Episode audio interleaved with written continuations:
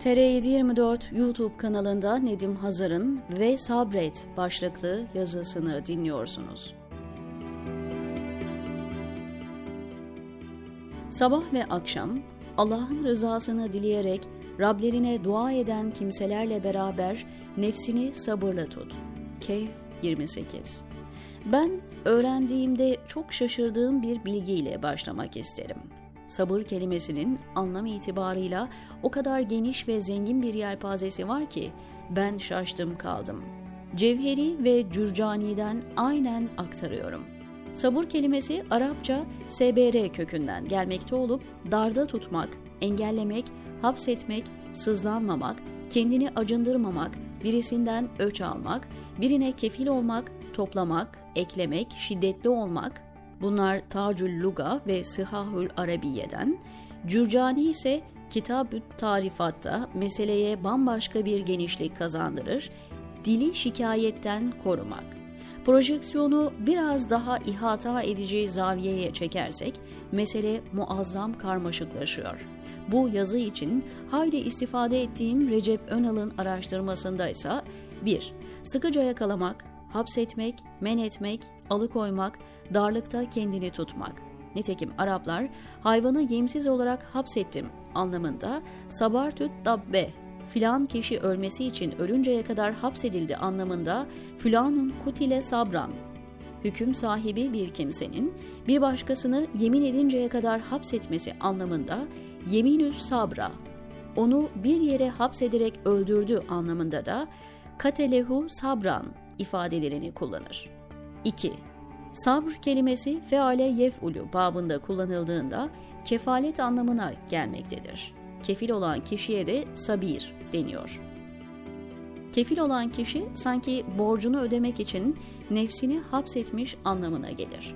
Araplar bana kefil göster anlamında usburni kelimesini kullanmışlardır. 3.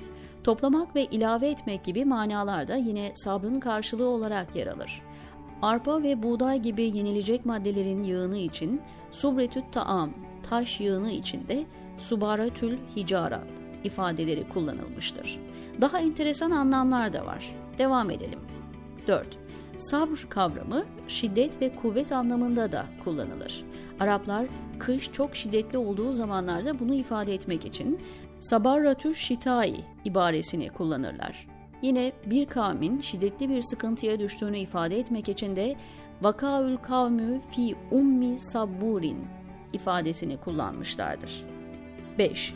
Dilde tutmak ve el çekmek manasında da kullanılır. Yani insanın bela ve musibetler karşısında dili şikayetten, uzuvları yanlış hareketlerden korumak manasındadır. Her biri başlı başına bir yazı konusu olan bu manaların günümüzde kesişen ve çağlar üstü olan manaların peşine düşelim biz. Hud suresi 115 şöyle başlar. Ve sabret. Müminlere bir nasihattir bu. En önemli ve ilk nasihatlerdendir. Kur'an, müminlerin sabrını toplumun büyük bir kesimi tarafından yaşanan gelenekselleşmiş sabır anlayışından ayıran çok önemli farklılıkları olduğunu vurgular. Şöyle ki, insanların pek çoğu sabrı ancak zaruri bir durum oluştuğunda ve yapacak başka bir şey kalmadığına inandıkları anlarda gösterirler. Nitekim Kur'an özellikle başlangıç surelerinde bu meselenin üzerinde ısrarla durur.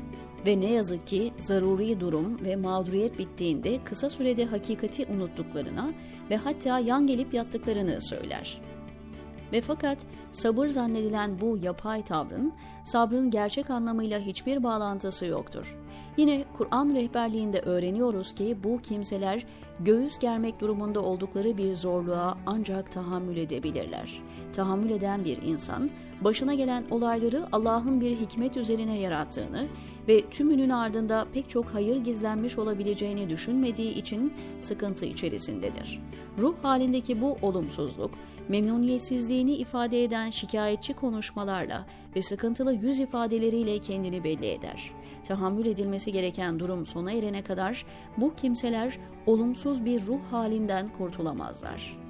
Gelelim müminlere. Müminlerin gösterdiği sabırsa bu tahammül anlayışından çok farklıdır. Başlarına bir zorluk geliyorsa bunu yaratanın Allah olduğunu ve bunun mutlaka kendileri için hayırlara vesile olacağını bilirler. Allah'ın kendileri için en güzel kaderi belirlediğini bildikleri için karşılaştıkları her olaya gönülden razı olur ve hoşnutlukla tevekkül ederler. Ankebut 59'da Allah müminler için ki onlar sabredenler ve Rablerine tevekkül edenlerdir buyurur. Allah'a haşa mızmızlanmak mümince bir tavır olmadığı gibi şikayet etmenin ucu çok tehlikeli noktalara ulaşan bir savruluş olduğunun da bilinmesi lazım. Müminler hangi şartlar altında olurlarsa olsunlar şikayet etmeyi, yakınmayı kendilerine hiçbir şekilde yakıştırmazlar.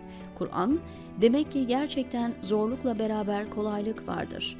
Gerçekten güçlükle beraber kolaylık vardır derken Allah'ın zorlukları kolaylıklarıyla birlikte yarattığını ve bunun Allah'ın değişmeyen kesin bir kanunu olduğunun bilinmesini ister. Size enfes bir hadisi şerif aktarayım. Sen yakini bir imanla, tam bir rızayla Allah için çalışmaya muktedir olabilirsen çalış. Şayet buna muktedir olamazsan, hoşuna gitmeyen şeyde sabırda çok hayır var. Şunu da bil ki nusret sabırla birlikte gelir. Kurtuluş da sıkıntıyla gelir. Zorlukta da kolaylık vardır. Bir zorluk iki kolaylığa asla galebe çalamayacaktır. Büyük deha Gazali'nin sabır yorumu da muhteşemdir. Neticeleri ve istekleri zıt olan iki kuvvetin karşılaşmasında bir kuvvetin metanet gösterip dayanmasından ibarettir. Dünkü yazıda neyi vurgulamıştık?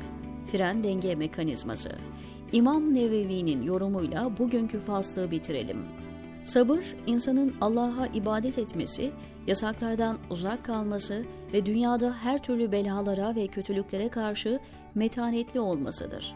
Sıkıcı olmayayım diye canım çıkıyor, bilin istedim, diyor Nedim Hazar TR724'deki köşesinde.